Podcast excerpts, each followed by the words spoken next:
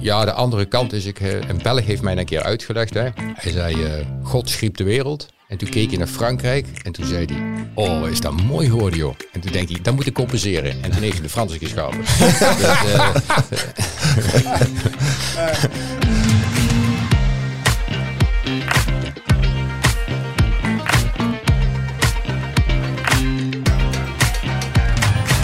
Het is zomer en voor de meeste fietsers is het vakantietijd. Fietsen op fijne bestemmingen in binnen- of buitenland. Nieuwe plekken ontdekken en je geest een reset geven.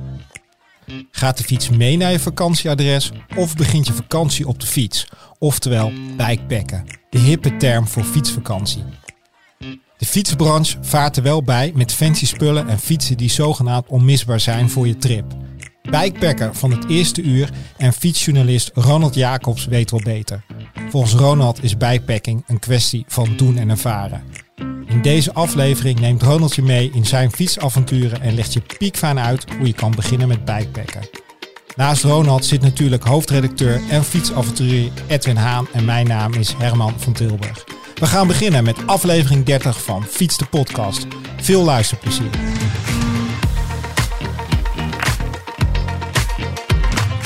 Goedemorgen, Ronald, Edwin. Zitten we weer, aflevering 30. En het is natuurlijk juli, hartje zomer. En we gaan het eens uitgebreid hebben over bikepacken. Ronald, waarom mag jij aan tafel zitten? ik denk dat ik mag komen, of hier ben, omdat jullie mij uitgenodigd hebben. Dat lijkt me de start.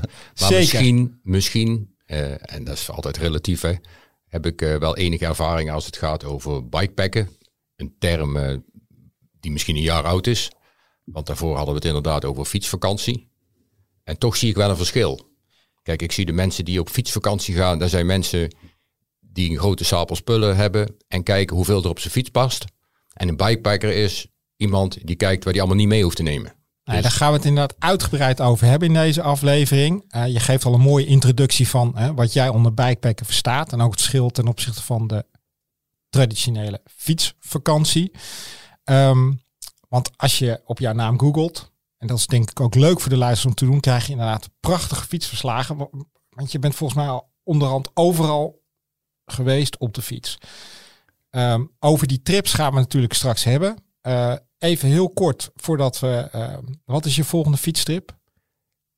Ehm, de volgende fietstrip is naar de Pyreneeën volgende week. Volgende week al. Mooi vooruitzicht. Goed warm wordt het. Dat weet je nooit, want eh weer is eh, wisselvallig, zeker in de Pyreneeën. Vandaag is het 40 graden, morgen regent het de hele dag. Ja, Ga je de Tour nog zien dan daar? Nou, net niet, want het mooie aan die trip is dat ze bedacht hebben dat meteen aan de Tour al de heel veel 23 calls geloof ik worden afgesloten voor het verkeer van eh, een groot deel van de dag. En dan kun je dus zelf ervaren hoe het is om zo'n call eens eh, verkeersloos, Oh ja. althans autoloos, op Ja. te rijden. Dan zal het waarschijnlijk niet fietsloos zijn, want er zullen wel heel veel mensen datzelfde plan hebben. Ja. Is er nog een klim waar je naar uitkijkt? Nee, want ik vind alle klimmen mooi. En hoe minder bekend ze zijn en hoe meer ze tegenvallen, hoe mooier ik ze vind. Ja, jij houdt gewoon van pijn.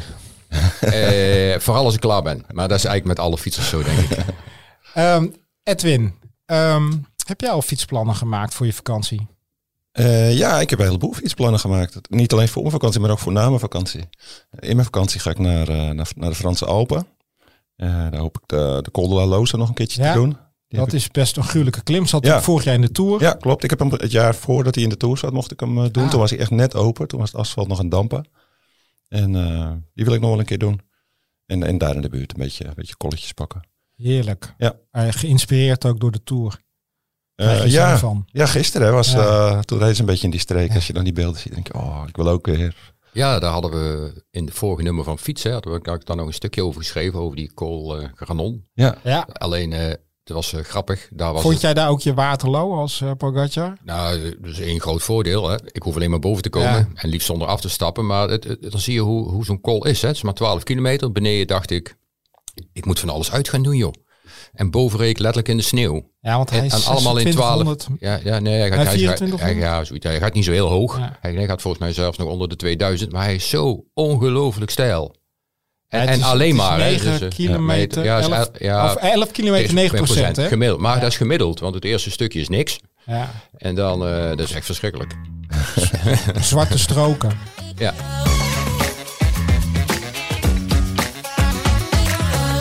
Hey, ehm, en Edwin, eh, ook mooie plannen. We hebben dus Alpen en Pyreneeën. Ik ga zelf. Nou, daar is geen kool te bekennen. Ik ga naar Denemarken, Zweden. Kan je wel prachtig fietsen. Ik bedoel, eh, prachtige infrastructuur, veel leuke weggetjes. Een beetje glooiend, maar geen kools. Dat komt alweer. Maar wat heel leuk is, daar wil ik direct even eh, naartoe, is Eurobike. Daar Ja. kom je net van terug. Ja. En voor de luisteraars die het begrip Eurobike niet kennen, kan je het eens even toelichten. En vooral ook de highlights. Ja, Eurobike is de, eigenlijk de grootste fietsbeurs van Europa. Dat is maar de, de Europese versie van de Bike Motion. Eh, dus daar staan... in het verleden stonden alle grote merken daar. Nu staan er nog steeds een heleboel merken. Dat, zijn, dat was eh, vroeger altijd in Friedrichshaven. Ja. En nu in Frankfurt. Dat zijn vier hele grote hallen. eh, helemaal chockvol met fietspulletjes. Eh, dus ja, daar, daar moet je een keertje heen.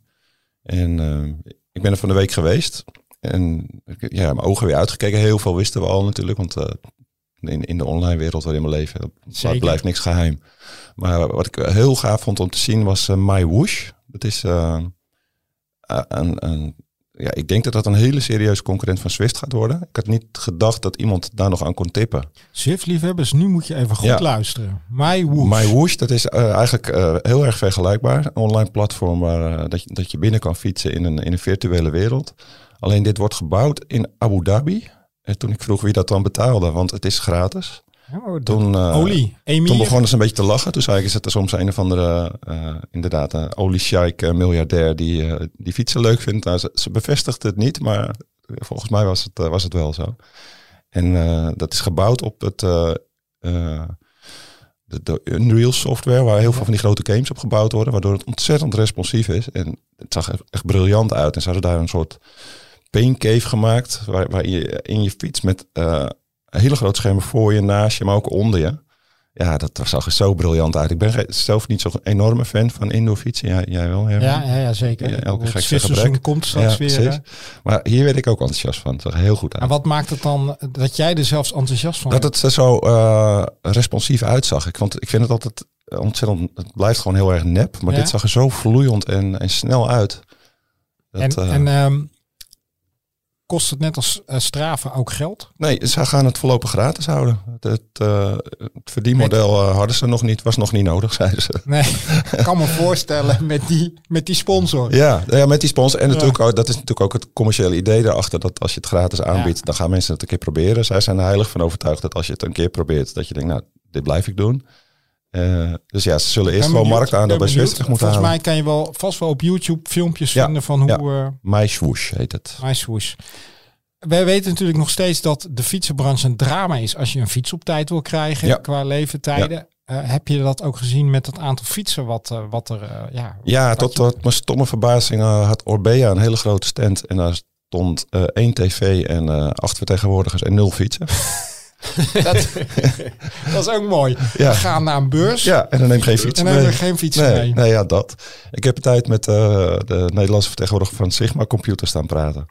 Die, die heeft me Ja, al eventjes, eh, ja, de fietscomputertjes, die heeft me even eh, in het geheim snel iets laten zien. Een hele mooie nieuwe Sigma die eraan zit te komen. Ja, en toen ik vroeg wanneer die kwam, toen zei hij in de herfst, of in de winter, Ah, ja. of in het voorjaar. Dat is een beetje hetzelfde als ze in de Tour allemaal nieuwe fietsen presenteren. Hè, en daar de profs mee laten rijden. Ja. Maar inderdaad geen idee hebben Nee. wanneer het voor de consumenten beschikbaar Nee. is. Nee, het blijft ontzettend lastig. Bizar. Ehm, nou ja, inderdaad, als je meer over Eurobike wil, eh, wil weten, volg fiets.nl.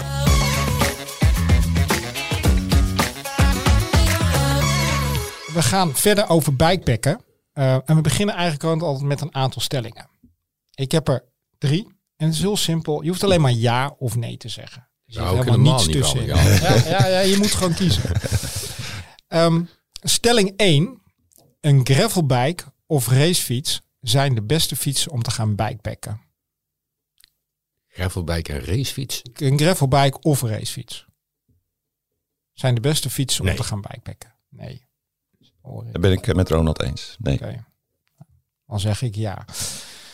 Eh, bij twee, de tweede stelling, in hotel slapen of eten of combineren is vals spelen tijdens bikepacken. Nee. Mm, ja. Nou, mooi. Dan zeg ik nee.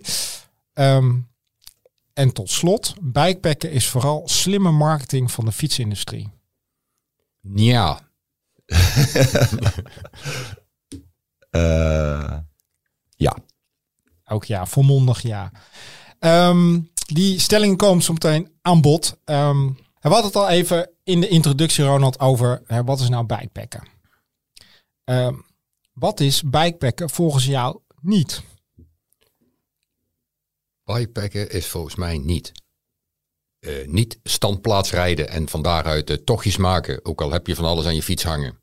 Eh bikepacken is voor mij avontuur zoeken. En avontuur is een relatief begrip, hè? dat is een containerbegrip. Mhm. Dat is voor jou, eh, voor mij is avontuur eh, misschien ligt veel verder weg. Hè? Is eh, ergens waar geen mens komt, toch proberen doorheen te komen. moeilijke paden, maar voor een ander is dat.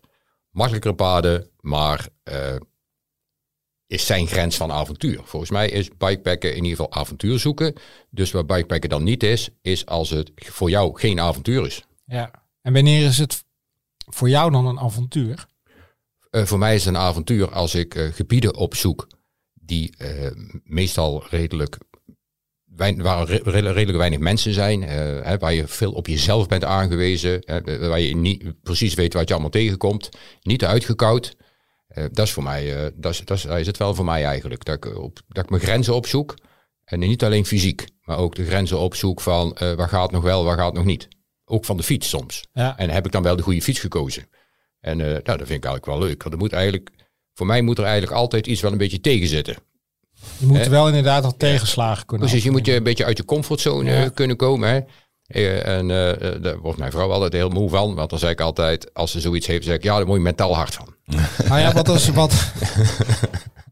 leuk, leuk huwelijk. Ehm, maar wat was het laatste? Wat was de laatste tegenslag? Een voorbeeld? Nou, ik had bijvoorbeeld de.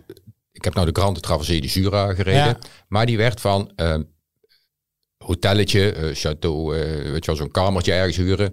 eh, van de een naar de andere. Hè? Dus dat is al geen pijkpijk, heb ik net gehoord hè, van de hoofdredacteur. hè. Ja, ja. Nou, ik vond wel, want er waren namelijk pittige tochten. En dan lijkt het maar 120 kilometer of 110 kilometer met eh eh 2500 hoogtemeters. Maar het was super heftig. En zeker als je dan bij een van die tenten aankomt, boven op een berg, waar niks anders is, nog geen telefoonontvangst. En ze zeggen, geboekt? Nee, er is geen kamer geboekt. Eh. En nu? Eh, hè, want het is, eh, begint al laat te worden, hè, want je, je hebt krijgt- eerst je twee hebt uur zitten wachten, je hebt honger, er is geen telefoonontvangst. Wat ga ik nu doen? Nou, aan de ene kant denk je dan, shit. Aan de andere kant denk je, jup, we zijn in Europa, het is altijd een oplossing. Dus je fiets maar weer een end. Pak je telefoon en eh, eh, gaat naar een boekingssite en eh, kijkt van, is er dan iets anders in de buurt? Of zo nodig ga ik hier ergens in, de, in het bos liggen. Maar er is altijd een oplossing. En, en, en, nou ja, goed, dan moet je weer door. En, en, en wat, ja, wat zeg je dan tegen je vrouw? Tegen mijn vrouw niks, want die was er niet bij. Komen ze om op terug. En wat dat betreft is er ook wel heel Nee, veel er veranderd met vroeger natuurlijk. Hè? Want toen, eh nu, ja, ik grappig Ja. dat je dat zegt, van eh dan pak je je telefoon en dan Ja. kijk je of er Ja, ergens anders wat te vinden is. Maar dat is toen het bikepacking nog eh, fietsvakantie heette. Toen eh, was je natuurlijk gewoon, ja, dan ging je maar wat Ja, het, rondfietsen. het was nog erger. Ik stond af vaak, weet je dan probeerde je kaarten te regelen. En dan kwam je ergens midden eh, in de Alpen op een punt. En dan kijk je op je kaart en is het een viersprong. En in werkelijkheid is het een zessprong. Ja. En, dan, eh, Ja, en als ik de verkeerde pak, dan sta ik onderaan de berg. Ja. En dan kom ik dan pas in de gaten. En nu eh, kijk je op je navigatie. Of, eh, hè, wat dat betreft is avontuurlijk ook, wat ik bedoelde, steeds verder weg ja, komen. het is moeilijker wat nou geworden om nog iets avontuur? doen. Ja. Ja. Eh, Edwin, waarom denk jij dat dat bikepacken zo immens populair is geworden? Ja, ik denk ja, eh, door dat woordje avontuur. Ik denk dat mensen heel erg vastzitten in, in, eh, in een, sa- een vrij saai leven. Weet je? We gaan allemaal, Ja. we staan op, we gaan werken, we gaan eh, tv kijken, we gaan naar bed. En eh, op woensdag fietsen we een rondje met ons Ja. clubje. En dan hoor je verhalen van mensen als Ronald. Van ja, oh, ik ben daar geweest en ik heb dit meegemaakt. Dan denk je, oh, dat is tof. Dat wil ik misschien ook wel een keer. En alles dat is natuurlijk klinkt- tegenwoordig zichtbaar. Hè? Ja, Door- ja, worden ja, lekker ja, gemaakt precies, door, dat, eh, door, ja. door bloggers Ja, of, of ja. inderdaad eh, YouTube. foto's. Instagram. En eh, ik denk dat je vroeger vooral in de media die, de echte grote avonturen zag. En nu zie je heel veel van die avonturen waarbij je denkt, hé, maar dat is helemaal niet zo. Dat kan ik zelf ook wel eens Ja, proberen. af en toe kan ook vanuit huis, hè, voor, Ja, voor, voor, voor twee dagen Ja, bijvoorbeeld. ja. Ja, precies. Want ehm, eh, eh, Ronald, hè, eh, jij, bent, jij bent echt al, ja, waar ben jij niet geweest op de fiets? Nou, ik ben op heel veel plekken niet geweest en op heel veel meer. Het grappige is, op hoe meer plekken je komt, hoe meer je realiseert dat je overal niet geweest bent. Want we, kijk nou alle paden, als ik die op de wereldkaart zou intekenen die ik gefietst heb, Ja, dan is het je nog maar, eh, 99,9999% ben ik niet geweest. Nee. Maar als je, als je bijvoorbeeld eh, kijkt naar bikepacken, eh, als je wil beginnen met bikepacken en je zegt, nou weet je, ik ga eens vanuit huis in Nederland. Prima. Wat zijn dan voor jou mooie bestemmingen om bijvoorbeeld in twee dagen eens te gaan, eh, te gaan proberen? Ja, dat ligt aan natuurlijk aan van, van hoeveel kun je fietsen. Hè? Want kijk, als ik mijn racefiets pak of een gravelbike, dan wil ik best in Nederland 200 kilometer op een dag fietsen. Maar ik denk dat heel veel mensen dat niet leuk vinden. En als, het, als je het de eerste keer doet en het is al niet leuk, dan ben je niet snel geneigd om het nog een keer te gaan doen. Het is beter dan om die dagen te verdelen in bijvoorbeeld stukjes van 70 of 80 kilometer. Thuis te komen en denken, hé, hey, dat was leuk. Ja, ben misschien niet aan mijn fysieke grens gekomen, maar ik heb wel veel geleerd. En daar is het. Ik, voor mij was het ook iedere keer een leermoment. Want toen bestond er nog niks over bikepacken. Ik weet nog goed dat ik de eerste keer een zelfbedachte Alpendoorkruising had gemaakt. Hè. Dus eh, de Alpen door en weer terug. Hè. Meestal doen we één kant op, maar weer terug. En slapen onder de sterrenhemel. En eh, dan komen we er ook op van de commercie van nu heeft het voordeel dat je bijvoorbeeld nu tassen hebt Ja, die honderd keer beter zijn best doen, of geschikter zijn, dat is een beter woord, geschikter zijn om te bikepacken dan vroeger. Want dan had je van die eh, grote tassen van Ortliep achterop. Ja. En dat was het wel. Nou, en zo ben ik ooit de Alpen doorgegaan. En ik zeg, ja, op een steile klim is dat niet fijn. Dat en is- want Tenzij je eh, iemand bent die op zijn achterwiel de berg op wil fietsen. Maar Hij heet niet allemaal met je, hè? nou ja, eh, maar, maar wat, hoe bepaal je nou een route? Hè, hoe bepaal je nou als je begint met bikepacken, hoe ga je die route bepalen? Hoe doe jij dat? Nou, ik, ik ben misschien daar wel anders in dan anderen. Hè. Ik hou bijvoorbeeld helemaal niet aan routes die bestaan. Eh, wat ik zoveel mogelijk doe, is eh, zelf routes maken. Bijvoorbeeld nu, bijvoorbeeld die Grande Traversée du Jura was gewoon, hè, die bestaat en die is mooi en die is spannend en die is moeilijk. Maar als ik het zelf doe, dan maak ik gewoon zelf routes. Dan zeg ik van, ik begin ergens, ik ga achter mijn computer zitten. En je ziet, en na een tijdje zie je al aan de kleurtjes en aan de streepjes en aan het Maar gebruik je dan eh, eh, een komoot daarvoor? Of? Ja, ik- Komodo ben ik niet zo'n fan van, maar dat is allemaal persoonlijk. En Ja. iemand die blij wordt van Komodo. Kijk, mijn probleem bij van Komodo is dat je kaarten moet betalen. En dat is niet erg als ik altijd op dezelfde plek ging fietsen. Maar ik fiets steeds ergens anders. En iedere keer roept hij dan dat ik weer een kaart moet kopen. Ja. nou, dus er zijn genoeg online Aan jou platformen. verdienen ze niets. Ja, maar iemand als jij moet gewoon in één keer de wereld kopen, hè? Dus één, Ja. één keer je portemonnee Ja. trekken. Ja, maar als Ja. ik eh, naar, eh, maar dat is mij bijvoorbeeld, hè, eh, ik heb dan zo'n, eh, ik kijk dan bijvoorbeeld op Ri- Ride with GPS. Nou, dat werkt net zo goed, wat mij betreft. Dan maak ik hem daarop en anders dan pak ik weer een andere site. En, nou, en zo knutsel ik de zaak wel een beetje in elkaar. Maar dat is allemaal keus. Hè. Dat, dat, Ja. dat gaat over de techniek, maar dat gaat niet over het doel. Kijk, mijn doel is gewoon, ik vind het leuk dat ik eigenlijk niet zo precies weet van hoe, hoe zal het gaan. Kijk, mijn vrouw gaat ook met regelmaat mee. Hè. Dan weet ik al dat ik de, eh, niet, de al, niet, niet de allerkleinste streepjes moet gebruiken. Zolang het lekkere van die shotterwegen, gravelwegen zijn, vindt ze allemaal geweldig. Ja. En niet te veel van die technische frommel erin. Hè. Nou, dan zie je al aan het hoogteprofiel. En ik, nou, en dan hebben wij geweldige Ja, want wat zijn er bijvoorbeeld, eh, eh, als, als je zeg maar begint hè, en je wil inderdaad, eh, nou ja, bijvoorbeeld richting de Benelux. Ja. En, en je gaat die route bepalen. Ja. Wat zijn dan echt de do's en don'ts hè, als je dan bezig bent met het kijken naar, naar die Ja. kaarten? Nou, dat is om te beginnen. Kijken, waar wil ik zelf? Wil ik verhard, onverhard? Wil ik een combinatie? Eh, wil ik het moeilijk of makkelijk? Hoeveel hoogtemeters wil ik het ongeveer? En dat is ook weer, als we dan terugvallen op het verhaal van net. In het verleden, dan zag je een kaart en je zag wat het een berg op Ja. ging, maar je wist niet hoe stijl en je wist niks. En tegenwoordig, je kijkt, je ziet zelf hoeveel procent stijging het is. Je kunt ongeveer zien voor soort weg het is. Nou, en daar bepaal jij jouw, jouw eh, daar probeer Neemt je te wel koppelen. alle verrassingen vandaag de dag weg, hè? Ja, ja en nee. Eh, bijvoorbeeld de eh, waarschijnlijk makkelijkste weg in de Grande Traversée du Jura die ik ging rijden. Die was door de bosbouwers zodanig vermolmd dat ik drie kilometer lang door het modder heb liggen ploeteren. Ja, dat was dan toch nog wel een redelijke verrassing. Die Maar ja, jij houdt van tegenslagen, dus Ja, die precies. moeten er wel in. Precies, maar dan zie je dus dat er is altijd wel een verrassing. En, en ja, en, maar dat is het voor- en het nadeel van tegenwoordig. Hè. Je kunt nu redelijk goed bepalen, ga ik het aankunnen, ja of nee. Eh, dat is het voordeel. Het nadeel is dat, het, dat de verrassing wat kleiner is. Dat klopt, dat klopt. Zonder meer waar. Want ehm, over fietsen gesproken. ehm, Ed- Edwin, jij hebt ook een gravelbike. Ja. Ehm, en, jij, en ik vroeg inderdaad van eh, kies je tussen eh, of een racefiets en een gravelbike zijn de beste fietsen Mhm. voor bikepacken. Jullie zeiden allebei nee. Ja, ik zou uh, gravelbike en mountainbike zeggen. Ja, en waarom, waarom de gravelbike en mountainbike? Want ik zie ook zat fietsen op de racefiets. Hè? Die, ja, dat kan, ook, kan natuurlijk ook hartstikke goed. Alleen met de racefiets kan je natuurlijk niet heftig onverhard. Nee. Terwijl je met de mountainbike wel gewoon verhard kan rijden. Met de mountainbike kan je eigenlijk overal fietsen. Dat is wel een kwestie van bandenkeuze. Hè? Leg er maar een paar smalle bandjes op en je rijdt als een racefiets bijna omhoog. Ja. Op een ja. lichtgewicht hardtail. En dan is het, maar dan is nog de mountainbike bestaat niet. Want je hebt de fully, je hebt de hardtail, je hebt de fatbike. Maar dan is de hardtail denk ik het meest gangbaar, toch? Ja. mountainbikes. Ja, bijvoorbeeld wel. Maar net als de Jura heb ik met een full suspension gereden. Want ja, omdat ik van hotelletje een hotelletje reed, uh, is het één zadeltas aan je fiets en de klaar is Kees. Ja. Dus ja, waarom zou je dan uh, die technische paden die je met die hardtail toch weer wat moeilijker kunt nemen, overslaan? En, en als je dan uh, bijvoorbeeld begint met bikepack, je gaat een aantal dagen ga je op pad. Wat is je hebt het continu over de, uh, die tocht in Jura. Die was, uh, hoeveel dagen was die? Uh, die, die was vier dagen. Vier dagen. Maar ja, vijf vechten werden het. Als je bijvoorbeeld een weekje wil gaan bikepacken. En er zitten ook wat hoogtemeters in. Stel dat je richting Frankrijk rijdt. Um, wat, wat is gemiddeld genomen te adviseren qua afstand die, die, die een die ja, dat is, dat is lastig. Hè? Wat Ronald net ook al zei. Uh, dat zal voor, voor, wij zijn allemaal best wel hardcore fietsers. Ik denk dat wij uh, vrij makkelijk 150 kilometer op een ja. dag wegtrappen. Ja, en is ook wat wil je doen. Kijk, uh, wil je nog onderweg iets bekijken of wil je niks bekijken? Of kijk, uh, mij valt altijd op de gemiddelde lezer van fiets. Dus iemand die is niet zo heel geïnteresseerd in wat er onderweg te zien is, maar wil wel. En die fiets met oogklep op. Ja, dat, is misschien eh, heel zwart-wit gezegd, maar daar valt me altijd op. Hè. Ja. Eh, dat, die willen, daar gaat die willen fietsen, fietsen, fietsen, fietsen, fietsen, ja. fietsen, eh, nog eens fietsen.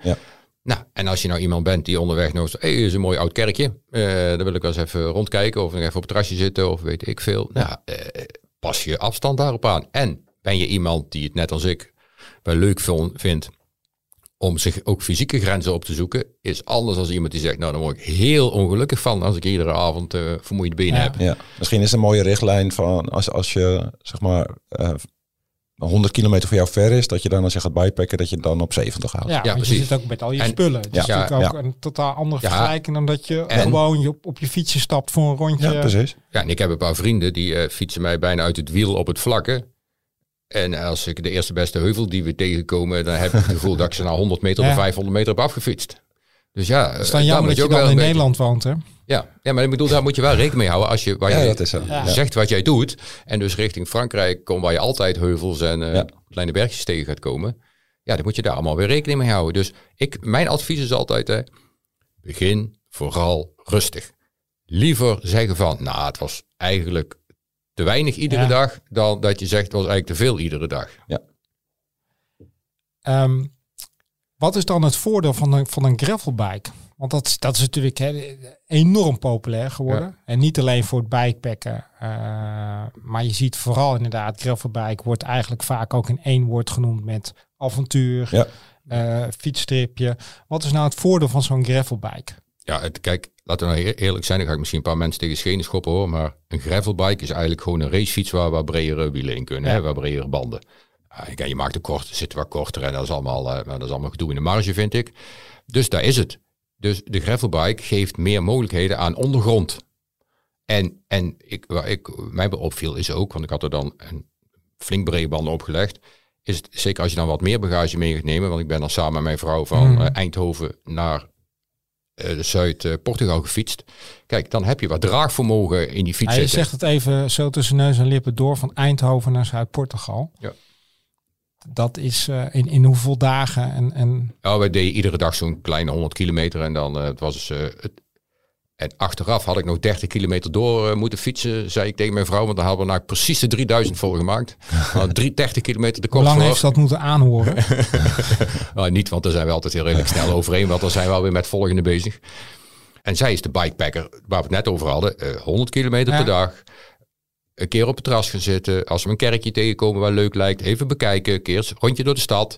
Zo. Maar dat is volgens mij ook hè, wat de meeste bijpackers ook wel zoeken vandaag. Toch juist die combinatie van ja, en fietsen, maar ja. ook juist één zijn met je omgeving. Precies. Stilstaan bij wat je ziet. Ja. Hey, want die gravelbike, je zei het inderdaad van het is eigenlijk gewoon een race met, met bredere banden. Maar als je het hebt over het bepakken, is dat dan ook makkelijker met een gravelbike dan ten opzichte van, van ligt er heel erg aan. Kijk, je hebt gravelbikes. Kijk, ik had la- laatst een gravelbike mee. Daar zaten keurig oogjes aan voor een dragertje te Ja. monteren. Nou, hartstikke fijn. Want de vier schroefjes vastdraaien. En ik- nou, als die oogjes er niet aan zitten, heb je hetzelfde probleem als met de racefiets. Hè. Dan moet je weer gaan knutselen om er allemaal netjes erop te krijgen. De vraag is of het allemaal blijft zitten. Meestal wel, hè, maar snap je? En dan maakt het allemaal wel lastiger. Eh, Portugal, je bent eh, de Jura, hebben we het over gehad. Ik wil even stilstaan bij, die, bij de trip, de Route Grand Alp. Ja, Dat is een hele populaire bikepack, fietsvakantietrip, et cetera. Doen mensen niet alleen op de fiets, maar ook met de Ja. auto. Ehm, kan jij de luisteraars eens meenemen wat die route is en waarom je hem zou willen fietsen? Ja, de, eigenlijk is het heel eenvoudig. Je gaat ongeveer bij het meer van Genève beginnen. En je fietst over al die mythische calls die allemaal in de, in de Tour tegenkomt. Hè? De Galibier, nou, ja, ik noem ze allemaal maar op. Hè. De Isera, de eind- Calibier, ja, de Telegraaf, Ja, van alles. de Turini. Ja, en je eindigt in Nice. Dat is eigenlijk het verhaal. En, ehm, eh, nou, en, en het, wat me nog opviel is dat het, die wegen grotendeels nog relatief verkeersluw zijn op een paar stukjes na.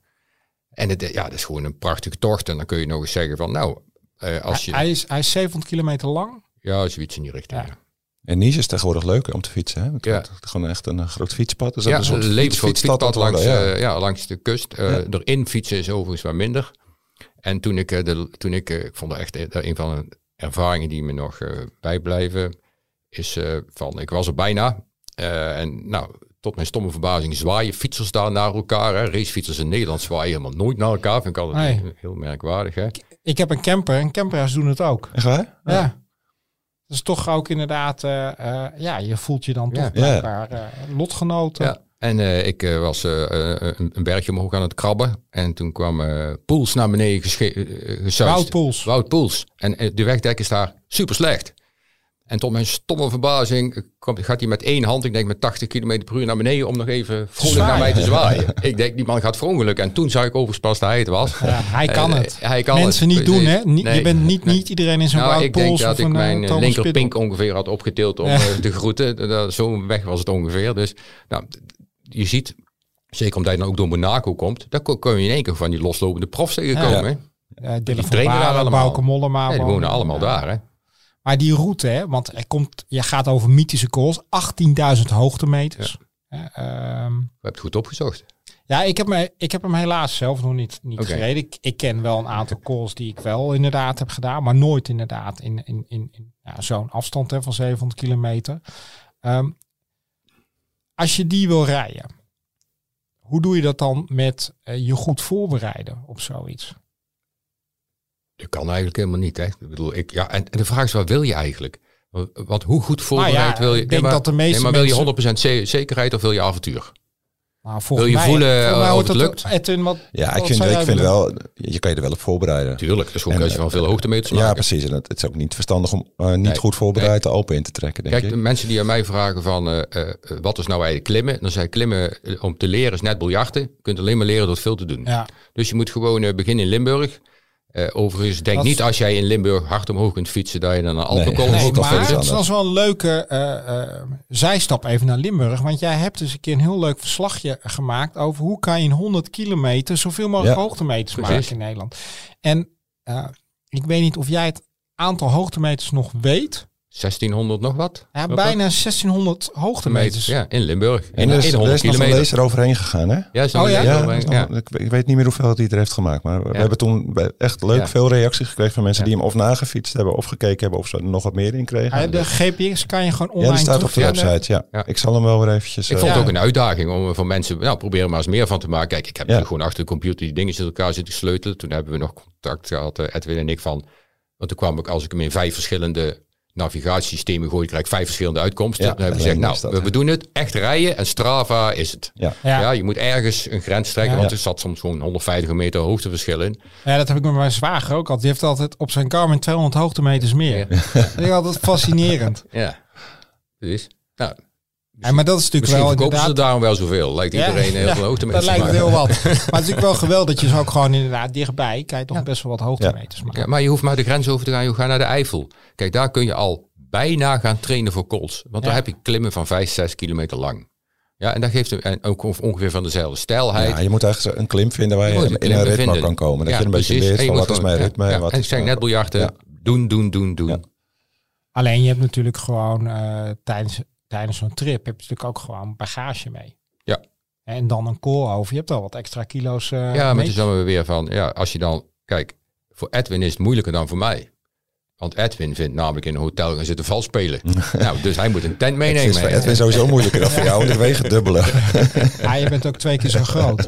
Nee, maar ik Ehm, bedoel, maar het is ook maar wel een zoekje. Kijk, als je zegt van ik wil het een beetje, want dat is echt een racefiets goed, hè? Dat heeft helemaal niks Ja. meer, hè? Dat is gewoon, dat moet je op de racefiets doen. Ja, ik vind een racefiets doe je zo licht mogelijk. Ja. Nou, dan vind ik het heel legitiem om dan ook in een een hotel, te gaan zitten. Ja.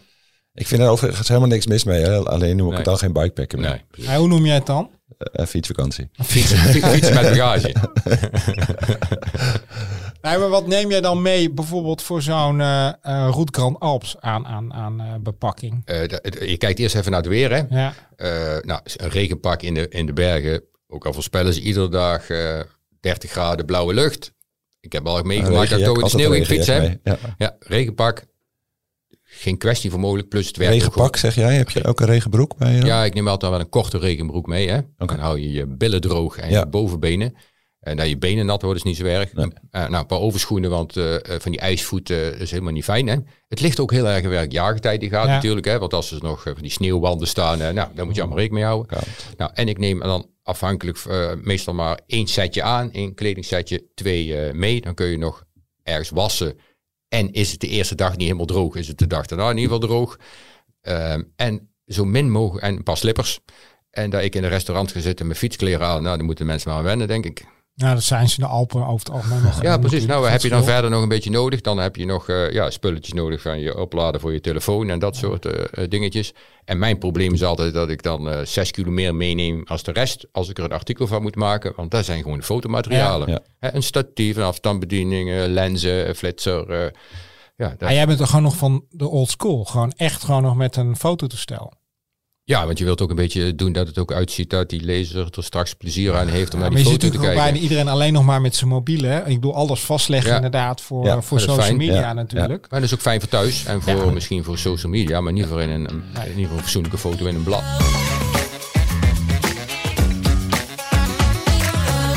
En we gaan het eh zometeen uitgebreid hebben over, over inderdaad die voorbereiding, wat je meeneemt en wat ook vooral niet. Eh, ik ga even naar de prijsvraag. We hadden namelijk in aflevering 29 met Roxane Kneteman, de aflevering over de grote Tour of de grote tourvoorbeschouwing, hadden we de vraag wie is de koersdirecteur van Tour de France Femme? Ehm Edwin, weet jij nog het antwoord? Ik weet hem wel hoor, maar even kijken of jij ik hem nog weet het. eh, ik- nee, ja, ik, weet, ik weet wie het is, maar ik weet haar naam Nou, niet. Marion Roes, ik die- help je even. ja, dank je. En uit de vele inzendingen eh, hebben we Mares van Weilik en Erik Berendsen getrokken. En die mogen wij blij maken met een prachtige wielenkledingset van Protest. Nou, die komen jullie kant op en dan vast heel veel rijplezier. En ook voor deze uitzending hebben we een hele dikke prijs. Eh, Edwin, jij hebt je best gedaan. Ja. Wat is de prijs? Eh, dit keer hebben we een, eh, een fietsophang systeemding apparaat van Artivelo. Dus, niet zo eentje, gewoon zo'n haak waarmee je je fiets eh, aan, aan een wiel in de schuur hangt. Maar als je nou zo'n hele mooie fiets eh, boven je bank in je woonkamer wil, dan heeft Artivelo heeft van die eh, soort haken waar je je fiets aan kan hangen. En dan kan je ook je schoenen en je helm en zo bij doen. En dan heb je al een beetje voorpret. Zeg maar, als, Nou, als je over je vakantie aan het Ja. nadenken bent, dan kan je af en toe eens naar je fiets kijken. Zo. En dan kan je hem inderdaad, eh, kan je je huisgenoten blij maken met eh, iets prachtigs voor aan de muur. Ja, fiets. precies. zo, ja. Kijken wie dat voor elkaar krijgt. Hey, qua eh, prijsvraag. ehm, en daar hebben we, nou ja, eh, Ronald heeft het al een aantal keer gehad over eh, de Grand Travesee du Jura. En de, en de vraag is, hoe lang is de Grande Travesee du Jura? Dus de, de lengte in kilometers. En de, het goede antwoord mag je mailen naar podcast.fiets.nl. Dus je goede antwoord naar podcast.fiets.nl.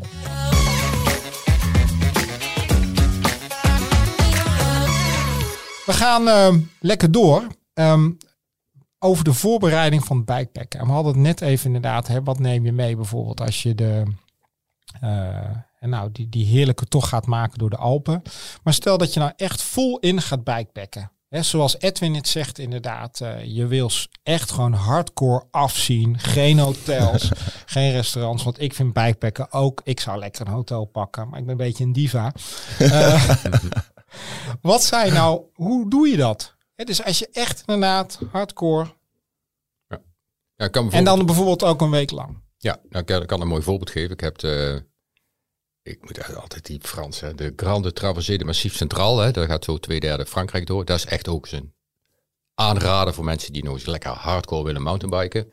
En nou, die kun je dus prima bikepacken doen. Eh, eh, ook in Frankrijk mag je eigenlijk bijvoorbeeld Hey, de massief centraal, hè? Want Ja. niet iedereen is natuurlijk thuis in de geografie van Frankrijk. ja, nou, dan Waar kijk- is dat ongeveer? Nou ja, je kijkt, het handigste is om natuurlijk even op, eh, op, je- op Google te kijken. Maar wat je eigenlijk doet, je gaat ongeveer vanuit de dat is zeg maar, eh, als je Frankrijk eh, door midden deelt, het een kruis erin zetten, dan is het ongeveer iets eh, twee derde vanuit het zuiden gezien, een derde vanaf Nederland gezien. En dan fiets je eigenlijk gewoon weer richting Nice. Ja, eigenlijk, daar kom je weer, ja, je komt een iets andere plaats uit, maar dat is ongeveer wat je waar doet. kom je dan uit? Ja, een van de dorp, maar ik ben de naam even ontschoten. Maar in de buurt van Nice. In de buurt van Nice. Gewoon weer aan de Middellandse Zee kom je weer uit. En dat is echt een prachtige tocht. Daar ver- verandert het landschap echt iedere dag. Eh, het is wel eh, soms heel ver- onvergevingsgezinde omgeving. Hè, met eh, dikke rotsen en toestanden. En soms wat lastige trails als je last van hoogtevrees hebt. Maar het is echt een prachtige route. Want door de Mont is wel zwaar, maar ook weer prachtig qua natuur. Hè. Allemaal beekjes en kleine dorpjes en heel veel groen. Verlaten dorpjes. Ja, alles is verlaten Ja. trouwens. Vooral volkt helemaal. Hè. Dat is echt, eh, dat is eh, voor, die, voor die mensen verschrikkelijk. Maar ja, voor de fietsen wel. En het mooie is, hè, eh, je kunt daar gewoon wild kamperen. Want eh, je ziet er geen mens, zeker geen gendarme. Hè. Dus, Nee. eh, je, je frot je tentje maar ergens neer. En, dan, nou. en als je wil, kun je ook nog van camping naar camping. Hè. Dat helpt dan ook nog. Hè, als dat nog wel mag van, van Edwin tenminste. Want ja, de vraag is ook weer, sommige bikepackers vinden bikepacken alleen als je wild kampeert. Maar, ah, ja, ja. hè, Dus maar er is dat is ook een beetje echt waar je zoekt. daarin... eh, Ja, natuurlijk. Dat is echt, eh, ja. En iedereen, hè, je hebt allerlei stromingen nu alweer hè, in, de, in de bikepacken. Nou, Ja, dat is natuurlijk ook lastig in Europa. Omdat je gewoon niet zo heel vaak mag bike, eh, niet, niet zo heel nee. vaak mag wild kamperen. Ja, precies. En eh, ik Kijk, weet en dat heel is- veel mensen het wel doen, maar wij Ja. mogen natuurlijk niet zeggen dat je dat gewoon nee, we mogen nee, het niet... moet gaan doen. Omdat Nee, maar het is verboden, maar wel leuk. ja. En, en wat, wat als die trip hè, is natuurlijk fantastisch. Eh, jij zegt hardcore, dus het is uitdagend met de mountainbike. Maar wat, wat neem je dan mee? Ja, precies. Dus dan denk ik van, nou, dat is ook een beetje waar je zoekt. Dan is dat voor mij alweer, kijk, wat ik altijd doe, hè, ik heb een ander systeem. Hè, ik hou niet van met zo'n liggen prutsen. Met een? Met een brandertje. Ah ja, Daar, daar je, waai je altijd uit. Ze zijn gevaarlijk ook nog soms als het een beetje tegen zit als je niet goed mee om kunt gaan. Hè. en het ouderwetse En- gasbrandertje. Ja, zo'n brandertje. Ja, Dat is eigenlijk een prutsen. Dat, ik vind het echt prutswerk. nou, dus ik denk van, nou, dan zijn er twee mogelijkheden. Eh, of je gaat dat wel doen, eh, of je doet het niet. En als je het niet doet, kijk, dan kun je toch eens een keer zo'n dorpje inrijden. Want ieder Frans dorpje eh, heeft een, of heel veel Franse dorpjes hebben wel ergens een cafeetje waar je een keer een bakje koffie kunt doen. Ja. Hè. Nou, in Spanje is dat bijvoorbeeld al helemaal. Als een dorp geen café heeft, noemen ze de ruïne. Hè. Dus, eh, nou, en je moet toch een keer gaan bevoorraden. Dus wat ik dan al doe, ik maak mijn route zo, die pas ik aan, dat ik langs supermarktjes kom. En dan, eh, nou, dan pak ik daar dingen die je kan eten zonder ze klaar te hoeven maken. Tegenwoordig kant-en-klare salades, kant allerlei van alles kant-en-klare toestanden. Eh, of dingen die je koud kunt eten, yoghurt, kwark, noem maar op. Je gooit er wat muesli bij, zo. Nou, en iets waar iedereen altijd heel raar vindt, waar ik meeneem als ik weet dat ik campings tegenkom, is de waterkoker. ja, ik wou het net zeggen. Een mini, een mini, mini, mini, mini waterkoker. Want van een mini waterkoker kan ik met een zakje koffie en thee maken. Ja, Eh, hij waait nooit uit, hè. Eh, net als die rottige branders, hè. Eh, plus, als je dan al heel erg graag een warme maaltijd hebt, nou, dan neem je zo'n paar van die zakken mee waar je alleen maar water bij hoeft te gooien. Ja. Ja, en je bent hartstikke snel klaar. Eh, stroom is overal. En, dus dat kan Ja. zelfs, als je het heel netjes vraagt, een v- vraag Frans cafeetje, zeg je, nou, je legt uit waar je aan het doen bent. Nou, dat vinden ze helemaal niet erg eh, dat je even... zie je, Fransen zijn best gasvrij. Ja, de andere kant is, ik, eh, een Belg heeft mij een keer uitgelegd. Hè. Hij zei, eh, God schiep de wereld. En toen keek hij naar Frankrijk en toen zei hij, oh, is dat mooi geworden, joh. En toen denkt hij, dat moet ik compenseren. En toen heeft hij de Fransen geschapen. dus, eh, nou ja, inmiddels is Frankrijk iets minder mooi dan alle milieuverontreiniging. Dus Ja. worden de Fransen aardiger. Hè? Dan blijft de balans Ah, ja, nou ja, dat is dan weer een aardige compensatie. Ik hoop, ja, we hebben toch geen Franse luisteraars. We hebben wel heel veel, de- ontzettend veel Nederlanders wonen tegenwoordig in Frankrijk. Ja, dat klopt. Ja. Dus eh, ik denk dat er best wel eh, Nederlanders in Frankrijk wonen die we zitten te luisteren. Ja, en die zijn het hier waarschijnlijk met ons eens. Dus dat is altijd mooi meegenomen. En met dat waterkokertje, ja, dat, dat snap Ja. ik wel. Nee, dat snap ik helemaal niet. Dat gasbrandertje, dat is toch gewoon... eh, Ja, ja, maar Vuur, weet je, vuur, dat, Ja. is, dat hoort bij, bij bikepacken. Dat, is, Ja. dat vuur is toch ook een soort van avontuur. Daarom is ook bij ieder eh gravelfestival maken ze vuur. ja, Anders- dat anders mag- is het geen dat mag- festival. dat mag eigenlijk nergens meer. Nee, want dat is ook zo. vliegt de boel in Ja, de nou, ja, dat zie je. Ja, ik heb wel zo'n ding zien ontploffen trouwens. Een gasbrandetje in een tent. Ja, daar word je ook niet vrolijk van. Nee. Nee, nee. Nee. en mijn waterkoker die ontploft gemiddeld niet. Nee, ik heb ook wel eens eh, ontzettend lopen zoeken naar een, een gastankje, weet je. Dan Ja. zit je met een lege gastank en dan... Ja. eh, Maar goed, jij bent ook wel culinair gauw tevreden, wat Ja, ik zo klopt. hoor. Dus ik snap Klopt. ook best wel ja, ik mensen... vind het juist heel erg leuk om er even op de markt eh spul te Ja. kopen en Ja. te- s'avonds nog te gaan kokkerellen. Op, zo'n, Ja. op een eenpitsbrander. Ja, maar ook heel veel dingen die je niet hoeft klaar te maken. Die niet hoeft te koken, hè, zou ik maar zeggen. Waar je geen warmte bij nodig hebt. Kun je ook wel heel vaak gewoon overal kopen. Hè? Ik bedoel, eh, Wijn. bijvoorbeeld. Hey, maar maar naast, naast die waterkoker, voor zo'n toch, wat neem je dan nog meer mee? Wat is gewoon essentieel? Ik bedoel, ik, ben, ik heb gewoon geen ervaring met bikepacken. Dus als ik zou moeten beginnen, zou ik inderdaad gaan googlen naar lijstjes, et cetera. Maar wat is volgens jou essentieel mee te nemen? Nou, we hebben al een lijstje een keer in, eh, nou, in een blad, eh, in de Gravel eh, special gezet. Ja. Hè, zo. En Nou, die staat online trouwens. klopt, Als je ja. even op gravel zoekt, hebben we die eh kijk, fiets, paklijst Ja, hebben we heb ik al gezet. opgeschreven wat volgens mij dan Ja. eh, essentieel is. Maar het is eigenlijk Ik gewoon... moet die waterkoker er nog even uithalen. Ja, maar wat dus essentieel is, eh reparatiespulletjes. Bijvoorbeeld een linkje voor je ketting. Ja. Want als je knapt, hè, zo'n klein linkje, Mhm. nou, eh, dan, dan ben je uitgefietst. Terwijl je met een klein, dus een gereedschapsetje met een kettingpont, een linkje, uiteraard plakspulletjes, een binnenband. eh, Een goede pomp, hè? Oh, als je te ziet hoe sommige mensen staan te prullen met een pomp, hè? Eh, omdat ze het thuis niet getest hebben en dat ding is uitgedroogd. En eh, nou, dan sta je daar in de middle of nowhere. Mensen met met- alleen Gisteravond, eh, CO2-patronen. Dat komt heel vaak Gisteravond had ik ook een lekker band. En ik was, ik, ik was inderdaad met mijn tasje vergeten. Dus moest ik inderdaad weer, heel, nou ja, weer, weer, eh, weer zeuren. Om op, maar niet zeuren, zo hartstikke aardig. Ik kreeg een binnenbandje. Maar er was ook niemand eigenlijk met een vrij recent CO2-patroontje. En die Oh, leken ja. alsof ze uit de oorlog kwamen. Ja, Ja. daar heb je al, kijk, eh, als je een tijdje niet lekker rijdt en je hebt zo in zo'n tasje of zo zo'n binnenband zitten, voor vertrek altijd even testen, Ja. want ze zijn gegarandeerd na twee jaar lek. En dan zijn ze doorgesleten of, eh, nou, hou daar altijd in de gaten. Neem dat ook een extra mee en plakkertjes, want eh, dan altijd wel iets te repareren. Eh, waar ik ook altijd meeneem als het extreem wordt, is naald en draad. Naald en draad, ja, dat is om een band te repareren. Als er een scheur in komt, dan kun je De hem gewoon buitenband. stikken. De buitenband, Ja. ja. Dan kun je hem gewoon even stikken. Dan kun je wel weer allerlei eh, plakkertjes inleggen en zo. Maar het is veel handiger om even met een Je neemt geen buitenband mee. En hoeveel binnenbanden neem, neem jij bijvoorbeeld? Hoeveel binnenbanden neem jij mee als je echt wat langer gaat fietsen? Eh, twee. Twee. Ja, ja, je rijdt met tegenwoordig tubeless. zo weinig. Lek. Ja, Ja. sowieso ja, rijdt met tubeless. tubeless, ja. hè. Ja. Dus tenminste als ik eh, de gravelbike of Ja. de mountainbike neem, hè. De races doe ik dat niet trouwens, eh, want dan vind ik altijd, ze gaat zo snel bandje verwisselen. En eh, nou, eh, dan rij ik, eh, begin tubeless. Neem ik ook nog een heel klein beetje van die eh, sludge mee om er nog weer in te gooien, hè, van de vulmiddel. Ja, En, eh, nou, en, en twee binnenbanden en plakkers. En eh, tot nu toe eh, heb ik dan nooit in de kost geschoten. Dus maar qua gereedschap, hè, jij, je hebt het inderdaad over een ketting. eh, ja, mini toeltje met een kettingpons. Ja. Maar ik kan me ook voorstellen, als je voor het eerst gaat bikepacken. Ik sprak eh, vorige week een vriendin van mijn vrouw. Die, die ging heel dapper eh, voor het eerst bikepacken van Zwolle naar richting Bordeaux. Ja. En die, die vroeg ook allerlei tips. En die zei ook, ik, het is ook best wel spannend inderdaad met, met, met, met gereedschap. Hè, van ja, ben je handig genoeg om het ook te, Ja. te kunnen redden? Ja, als je dat niet bent, zou ik wel aanraden om even een keer cursusjes te volgen. Ja, Die ja, zijn, ligt aan zijn mij, ja. overal te horen. Ja, het houdt alleen op een gegeven moment ook een keer op. Hè, van, wel, ja, ik bedoel, kun je een band wisselen? Dat is Ja. wel het eerste Ja, wat je kunnen. zeker. Hè. Zonder band kunnen wisselen moet je gewoon niet op bikepack Nee. vakantie gaan. Dat is niet zo heel ingewikkeld. Dan moet je thuis blijven. Hè, daar ga je het als eerste leren. Eh, nou, en je moet een ketting eh, eh, kunnen ponsen. Nou, eh, wat al ingewikkeld is, is als er... Kijk, die fietsen worden dan vaak ook nog extreem zwaar belast door mensen, omdat ze allemaal veel te veel meenemen. Dus eh, dan gaan eh, snel spaken eraan, zeker als het setje wat ouder is of niet geschikt is voor dat werken. Ja. En eh, nou, dus waar ik dan wel meedoe, neem ik een beetje een bijzonder uh, wielset, heb ik die. Dan probeer ik wel spaken te regelen. Hè. Uh, ik kan ze er zelf niet goed inzetten, eerlijk is eerlijk. Hè.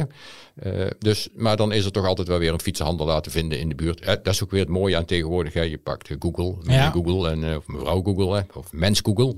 En nou, dan, dan zoek je fietsenmaker op en dan, ja, dan vind je wel weer iets. Hè. Dus dan kom je er meestal dus wel wat dat betreft natuurlijk wel altijd wel weer hulp. Ja, dat klopt. Zo nodig bel je een taxi. Hè. Ja. ja. En, en uh, want je zegt, ja, sommige mensen nemen veel te veel mee. En, en, en, we hebben het nu net inderdaad over wat reparatiespullen. Um, maar bijvoorbeeld qua, en we hebben het gehad over het waterkokertje. Wat, wat, is, wat neem je daar nog, wat stop je nog meer in die tassen? Ja, je begint natuurlijk met je kleding, hè, de, maar dat hadden we net al gezegd, hè, je regenpak, je kleren. Nou, en dat is eigenlijk, eigenlijk al het allerbelangrijkste. Want ik lees veel over merino. Ja. Dat de bikepacker van uh, vandaag zweert bij Merino. Ja, ja omdat het uh, niet gaat stinken. Dus dan kan je drie weken lang in het... Dan kan je veel langer, ja, je spoelt het even uit en, uh, en, je kan er weer mee door. Heb jij dat ook, Merino? Ik heb één zo'n merino shirt, maar ja. ik fiets er nooit in. Dat gebruik ik eigenlijk voor s'avonds, omdat dat, als ik al een los kledingstuk meeneem, omdat dat als het echt heel koud wordt, wat we allemaal onderschat hebben, is dat prima voor extra warmte. Hè. Zeg ik met een ondershirtje, dan is dat al, al lekker. Uh, en ja, het is inderdaad, uh, het is ook een beetje een modeding, hè, de ja. merino uh, wol.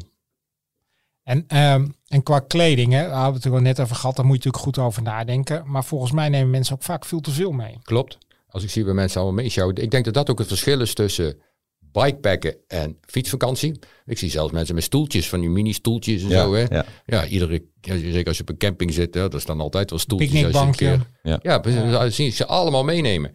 Kijk, met mijn, ik weet nog goed, mijn vrouw de eerste keer hè, dat we gingen bikepacken. We hadden twee van die kleine, we hebben een paar uh, tas voor voor aan het stuur. En twee van de kleinste formaat zijn eigenlijk voorwiel, uh, voor vorktassen. Dat is voor de achter, toen we 3000 kilometer zijn gegaan. En ik zeg tegen haar, nou hier heb je drie tassen.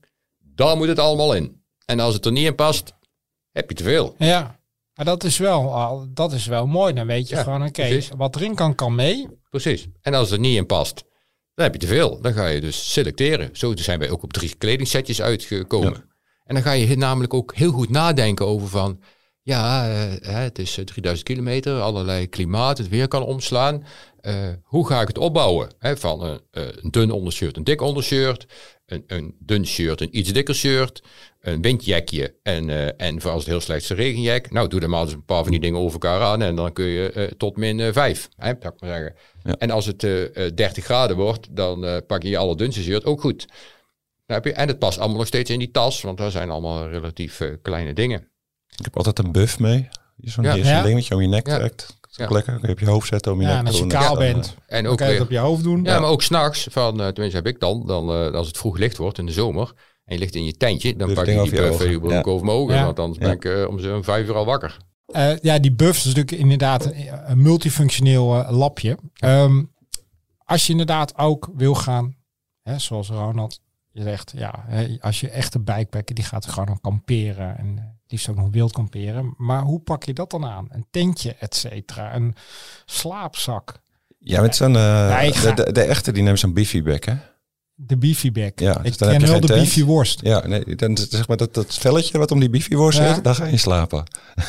En dan buiten. ja, ja je neemt een, zo'n heel klein slaapzakje mee en dan heb je een soort waterdichte zak, dan ga je in liggen. Die kan je ook nog over je hoofd trekken, dus eigenlijk alleen je ogen nog vrij. Heb je dat uh, wel eens gedaan? Ja. Eén uh, keer. En uh, daar ben ik te oud voor. Nee, ik, heb die, ik, heb, ik, heb, zelfs ooit een wintertocht gemaakt. En dan uh, gewoon alleen nog maar onder een tarp. Dus dat is een tarp is dan een driehoek. Een stukje zeil, dat ja. doe je tussen een paar bomen. Nou, dan zijn we op een uh, soort uh, geïsoleerd luchtbedje gaan liggen.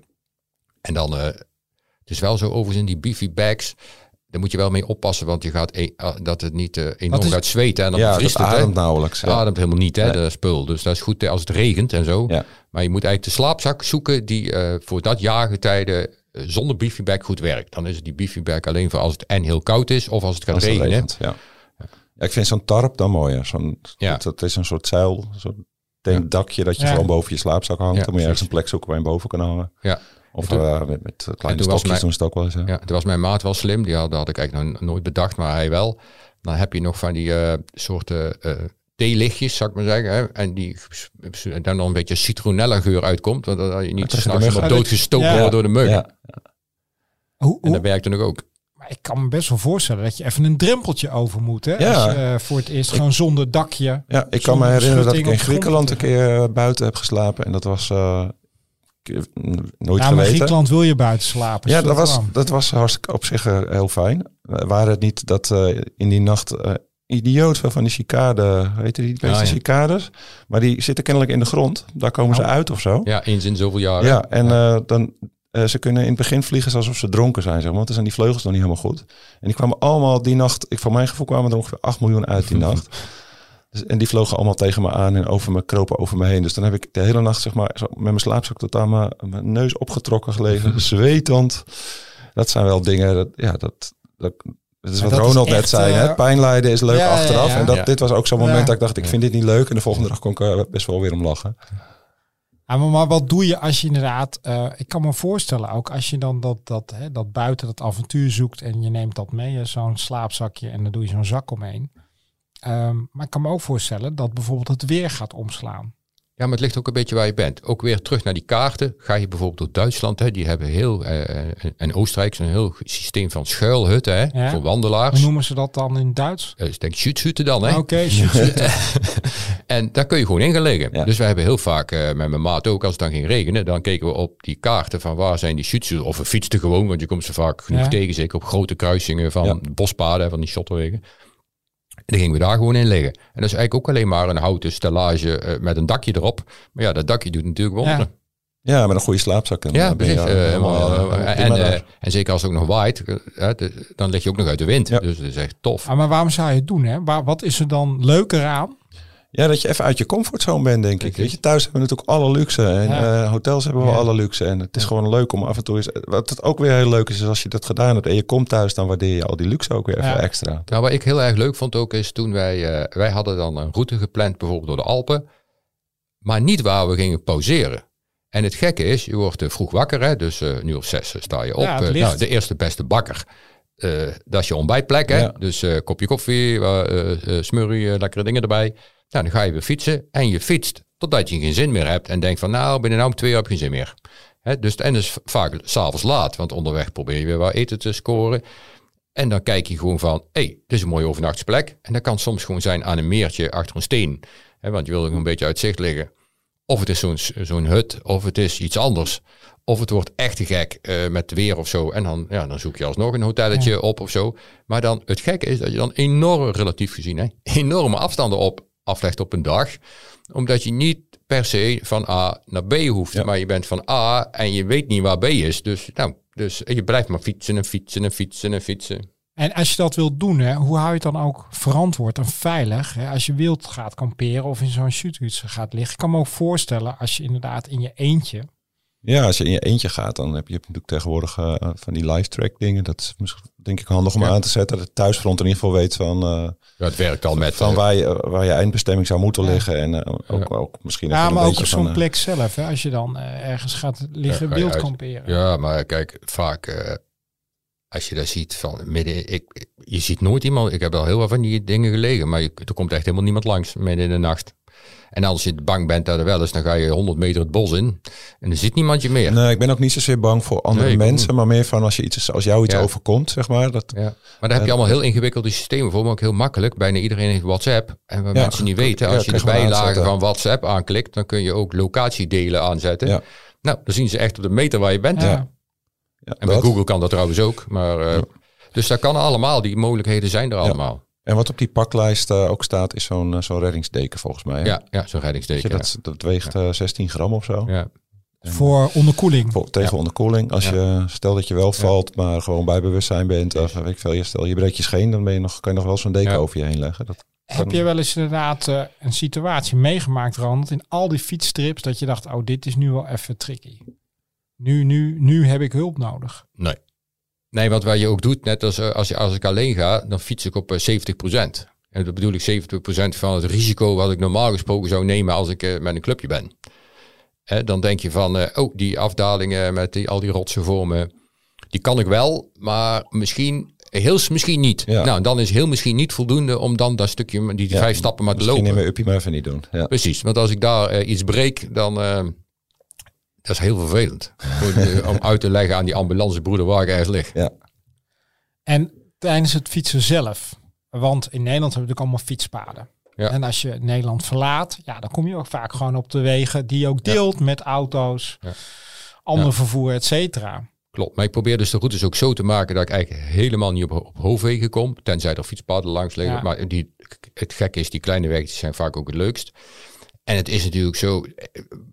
Ik bedoel, we zitten hier in Amsterdam. Hè? Ik ben net op mijn vouwfietsje Amsterdam doorgereden. Ik heb meer het gevoel vijf keer aangereden te zijn door een of andere idioot eh, van de couriersdienst. Dan dat ik ooit in, eh, in welk land dan ook eh, tegenkom. Bijv- Bijvoorbeeld in Spanje, dat is echt ongekend. Dan blijven ze gewoon vijf kilometer achter je rijden op een kool. Omdat er een doorgetrokken streep staat. Terwijl ze er al 80 keer veilig voorbij hadden gekund. ja, ik denk dat Spanje de honden nog gevaarlijker zijn dan de Ja, automobilisten. ja, dat klopt. Hè, dus het is allemaal relatief. Ja. En je bent er zelf bij, hè, gebruik gewoon je verstand. Bijvoorbeeld eh, in het buitenland, en trouwens in Nederland eigenlijk ook, zo'n zo'n eh, achterlichtje waar heel fel knippert, bezuinig daar niet op. Nee. Maar dan ook echt een goeie, want zo van eh acht lumen, dat doet niks. Hè? Dus eh, eentje die je gewoon in de zon nog fel ziet. Ja. En dan is het niet eens omdat die mensen zo gevaarlijk rijden, maar heel veel landen, zoals Portugal en Spanje en Griekenland, is het licht zo fel dat je heel snel overstraald wordt en eh, door de auto, ja, en die automobilist een beetje verblind. Ja. En dat gekke, die, die lampjes, die zie je echt op, zo op kilometers afstand. En, en, en andere spullen, want je zegt dat lampje, maar bijvoorbeeld, ja, natuurlijk een goede fietsnavigatie. Ja, ik vind het soms zelf wel irritant worden dat ik, daar, Ja. dat ik mezelf zo afhankelijk voel van mijn telefoon en mijn navigatie. Ja, je moet ook oppassen, al- niet heel, de- heel, de, heel de tijd op dat ding zitten kijken. Ja, ook dat. Maar dat je Ja. dan een soort van belachelijke paniek krijgt als je denkt dat ik Ja. kom zonder Ja. stroom te zitten. Dus Ja. Tegenwoordig sleep ik een powerbank mee van Ja. een halve kilo of zo. Powerbank En, eh, natuurlijk ook ja. belangrijk. Ja, ja, maar hoe belangrijk is het eigenlijk? Ja. Ja, het Nou ligt ja, ook aan de soort. naviga- dat je zegt, zijn misschien ook afhankelijk, te veel afhankelijk Ja, geworden. ja. Ja, ja, maar dan zie je ook, hè, daar, heb ik, daar geef ik Edwin al een beetje gelijk, of helemaal gelijk. Want kijk, ook als ik mijn nieuwe navigatie die ik gekocht heb, die kies ik vooral op hoe lang gaat die mee. Ja. Want eerst had ik zo'n apparaat 4, 5 uur en dan is het gebeurd. Dan moet je of met zo'n powerbank liggen prutsen, of weer ergens op gaan laden. Ja. En nou heb ik er in ieder geval wel een dag mee. Ja. Als je- gek, en dan denk je, ja, hoef ik me daar in ieder geval niet meer druk over te Nee. maken. En vorig jaar heb ik eh, zo'n tocht voor de Finestre en de Ascetta gereden. En dat was georganiseerd. En toen moesten we verplicht een live tracker aanzetten van die, eh, van die organisator. Maar die had niks goed geregeld. Dus die zei dat we dat met een... Ja, het- Met een bepaalde app dat hij zei dat je een live trekker moest Ja, aanzetten. nou, de, de route was, had hij op zich dan... Nou, die was ook eigenlijk ook niet heel goed. Het was Italiaans. Ja. Maar we moesten een app van hem gebruiken. En dat Dus- ding dat vrat die telefoon gewoon echt zo hard leeg. Ja, en hij weet ja. het niet, want ze zijn me nou nog aan het volgen. nee, ik heb dat gewoon uitgezet. Op een gegeven moment dacht ik, het is wel goed met je. Ik heb hem een eh, appje gestuurd. Van, joh, dat ding gaat uit op mijn telefoon. eh, die redt het zo niet. En, en, en, en naast, eh, wat is dan, ja, wat, is om, wat neem je op je fiets altijd mee? Hè, wat we nog niet hebben besproken. Wat is een onmisbare tip? Nou, wat ik ook altijd eh, heb als ik die langere tocht gemaakt, is een alarm aan mijn fiets. Toch een vrij dure fiets.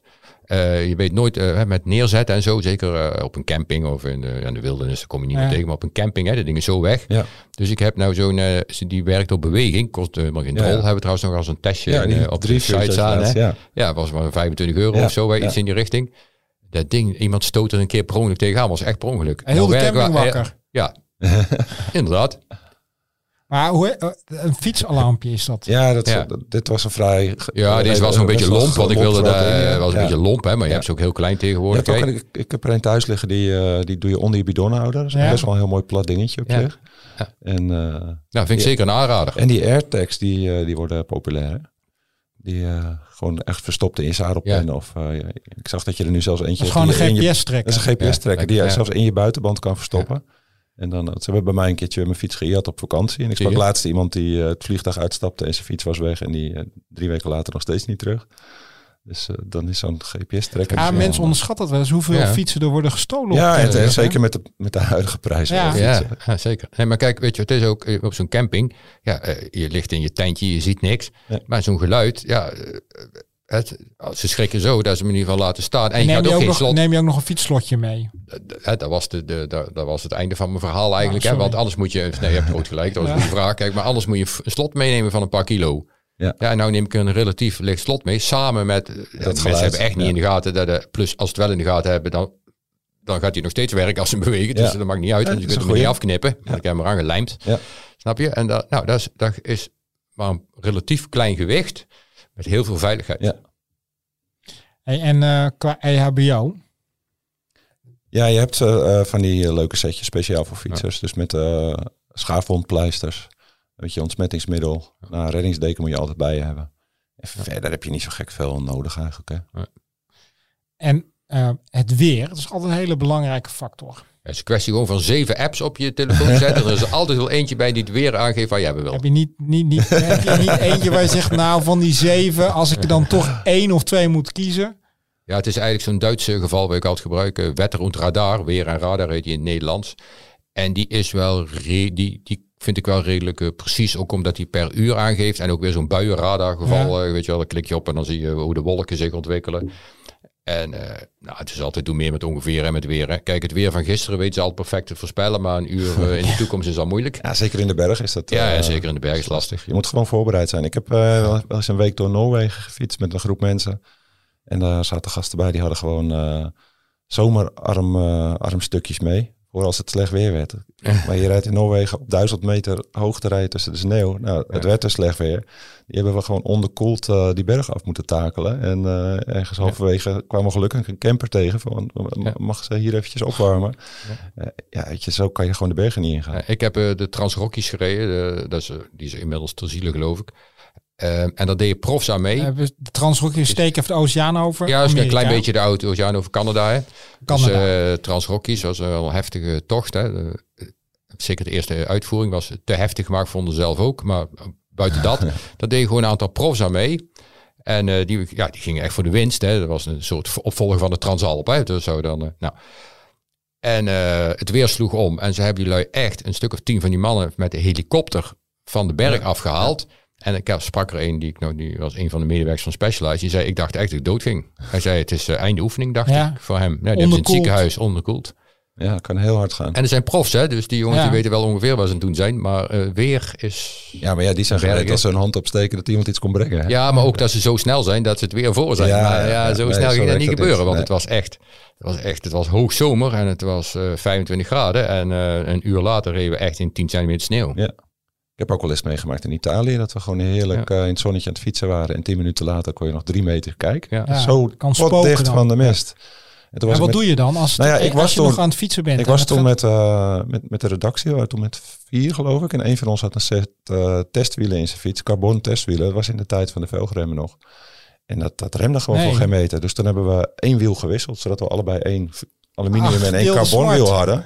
Zodat we in ieder geval allebei zeg maar half konden remmen. Ja, En eh stapvoets naar beneden rijden. Dat was echt eh, bizar. Maar dat, dat was wel weer zo'n momentje dat je denkt, oh ja, weet je, in de bergen ben je heel nietig. ja, en dan is weer checken heel belangrijk. Ja, zeker. Ja, en dan nog checken. Het gaat echt in een uur. Hè, dus, komt je eh, gewoon en je moet er eigenlijk ja, van genieten. Strak blauw Ja. hemel. Ik heb het echt een paar keer mee. Strak blauw, echt geen bolletje aan de lucht. En dan denk ik, hé, hey, één bolletje. En een uur later, eh, Wordt dicht. Ja. Volgens mij is inderdaad, hè, ehm, eh, en dan kom ik een beetje aan het einde van deze uitzending over bikepacken, ehm, hè, is het vooral ook gewoon een kwestie van gaan doen. En vooral voor jezelf bepalen, hè, wat Ja. vind jij, eh, Ja. eh, je, je avontuur, vind je eigen Ja. avontuur. En als je het nou heel spannend vindt, er zijn natuurlijk heel veel georganiseerde bikepacktochten tegenwoordig. Dus misschien is dat leuk om eens mee te beginnen. Maar dat is ook weer keuze. Hè? Ik vind altijd, maar de, eh, georganiseerd betekent ook druk. Want dan Ja, ja, moet je ja. de, de route van de organisatie volgen. Je kunt niet afwijken. Ja, ik zou er zelf niet voor kiezen. Nee, maar het is allemaal helemaal nee, niet- maar het is net waar je moeten het niet kiest. Dus je moet het vooral het iets doen waar je je comfortabel bij voelt. Ja. Dus voel jij je comfortabel om eh 40 kilometer eh, per dag te fietsen over niet te moeilijke paden, eh, om het gewoon eens te proberen. Doen. En als het is van een hotelletje naar een hotelletje, doen. En als je dan daarna denkt, nou misschien toch mijn tentje. Probeer Ja. het gewoon en ga het iedere keer een stapje voor jezelf moeilijker maken. En je leert ook wat je vooral allemaal thuis kunt laten. Ja.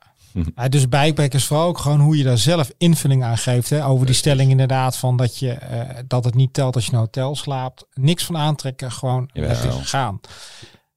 Eh, tot slot Ronald. Wat heb jij nou op nummer... Ja, ik mag het woord bucketlijst volgens jou niet gebruiken. Maar wat is voor jou nog een fietsbestemming waar je heel graag naartoe wil? Nou, ik, moet, ik denk dat je eerst even uit moet leggen waarom ik het bucketlijst niet wil gebruiken. Ik wil bucketlijst niet gebruiken omdat een bucketlijst betekent dat je nog iets wil gaan doen wat je nog niet gedaan hebt. En ik zeg altijd, als ik het wil gaan doen, ga ik het morgen regelen. Ja, dan is het misschien morgen nog niet geregeld, maar dan begin ik er in ieder geval op Ja. zijn minst mee. Hè? Nou, ik heb allerlei tochten nog, maar ik denk dat eh, er is zo'n tocht eh, door Amerika, hè, die je dus van het noorden naar het zuiden gaat, eh, eh, heel veel onverhard. Hè? Die lijkt me wel eh, heel erg tof. En, hè. en dan De praat je over de- Noord, dan begin je ergens in... ja, hij gaat eigenlijk van noord naar zuid, maar ik zou hem eigenlijk, ik zou hem logischer vinden in het jaargetijde om hem van zuid naar noord te rijden. Heb Want je het dan over Noord-Amerika? Ja, Noord-Amerika, Oh, ja. ja, door eh, Ja. de USA. Ja, Hè? Dus eh, eh, dus, eh, daar volg je de Continental Divide. Hè? Ja. Dus uit de Continental Divide wil zeggen dat aan de ene kant het water naar eh, de Atlantische Oceaan gaat en aan de andere kant naar de Stille Oceaan. Nou, dat is zo'n eh, trail die ze gemaakt hebben, was eigenlijk een wandelroute. Maar inmiddels is het ook een fietsroute. Die gaat echt van de grens eh, van Mexico. Hij gaat zelfs een stukje nog Canada in, maar zover gaat hij dan. Nou, dat lijkt me nog wel mooi. Van de andere kant is ook weer georganiseerd natuurlijk, of georganiseerd. Het is een bestaande route, Mhm. die, eh, die is op zich wel uitgekoud en zo. Hè. Maar dan neem je af en toe gewoon een andere afslag. Ja, bijvoorbeeld. Of eh, kijk, waar ik ook een keer gedaan heb. Ik ben met mijn vrouw samen een keer vier maanden naar Amerika geweest. Campertje. En wat we toen deden was van... Niet alle bezienswaardigheden bepalen onze route. Maar allerlei geweldige fietstrails bepalen onze route. En dan kom je op de meest bizarre plekken terecht. Ja. Daar denk je van... Waarom komen hier niet een miljoen mensen? Ja. Waarom gaan ze allemaal naar dat natuurpark waar hier om de hoek ligt? Terwijl hier is eigenlijk veel mooier. Ja. Minder toegankelijk, Ja. maar wel Ja, veel dat is mooier. de- Dat is de reden. Ja, dus dan zie je dat de toegankelijkheid kennelijk bepalender is voor of iedereen erheen gaat dan eh, wat er eh, te doen is. Nou, zo, nou, ik, ik vind dat echt geweldig om op die manier eh, je eigen ding te doen. Hè, vooral, en, en ik denk dat dat bij pipepacken ook voor mij belangrijk is. Doe vooral je eigen ding. Ja. Dat is een mooi om mee af te sluiten. Eh, Ronald, wanneer ga jij nou eens die trip ondernemen in Schotland? Waarom zeg je steeds Ronald? Dan kijk je dan naar Oh, Edwin. sorry, eh, Edwin. Maar ik ga wel mee hoor. ja, Dat is helemaal geen punt. Ja, die trip naar Schotland, ja, dat is een goeie. Die zou ik dit najaar willen doen, maar ondertussen heb ik eh, bedacht dat ik eh, naar Zweden ga, drie Ja? dagen. Voor een, wat voor ga je daar doen? Daar heeft de UCI een gravel race waar je kan kwalificeren voor het WK, waar ik helemaal niks te zoeken heb, maar wat me Ah, zo maar je leuk kan leek. gewoon het idee Ja, kwalificeren precies. Het voor idee dat je daar mee gravel. kan. Dus ik heb, ik heb me daarvoor ingeschreven, want dat is in Halmstad, drie hè? dagen in Halmstad. En daarna heb ik naar de deelnemerslijst gekeken. En toen zag ik dat eh Piotr Havik daar meedoet. En eh, Nicolas Roach. En eh, ons aller Jasper Sokoloen. Ja, natuurlijk. En, maar dat is hartstikke leuk. Ga ik met een maatje doen. maar daar pas jij prima tussen. Dat vond ik ook. Mooi avontuur in Ja. Zweden. Precies. En eh, Dus- Schotland dus- gaat nog Nee, wel... ja, Schotland eh, wordt dan denk ik een jaartje later. Dat, dat ligt er nog wel even geloof ik. Weet je hoeveel dagen in een jaar zitten? Ja, weet je hoeveel andere dingen we nog gaan doen. Eh, mensen, we gaan hem afronden. Eh, dank voor het luisteren. Dit was aflevering 30. Maak ons blij met de review. En vergeet je niet te abonneren op Fiets de Podcast via je favoriete podcast app. Heb je vragen of opmerkingen? Mail ze dan naar podcast.fiets.nl. En over een kleine maand zijn we natuurlijk weer terug met aflevering 31. Tot dan.